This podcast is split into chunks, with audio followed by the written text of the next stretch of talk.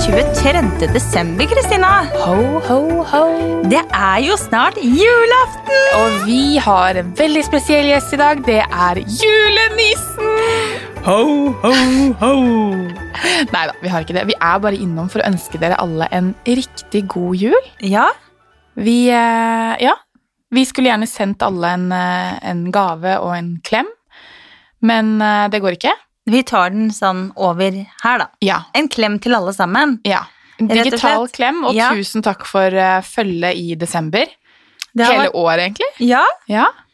det har vært eh, et veldig innholdsrikt år med veldig mange fine gjester, mange gode samtaler, en god del latter.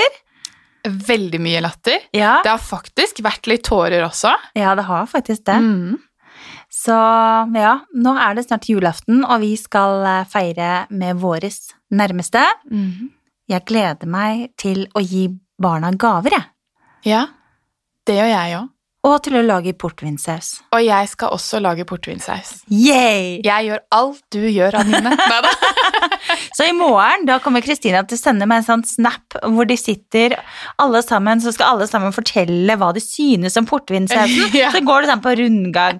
Ja, Nei, men jeg gleder meg veldig til å smake den. Jeg tror det blir veldig bra. den er kjempegod. Så Mm, ja, Og så skal vi ha litt ferie. Vi skal ha en eh, lang juleferie. det skal vi. Da skal vi være på hytta, gå litt på ski.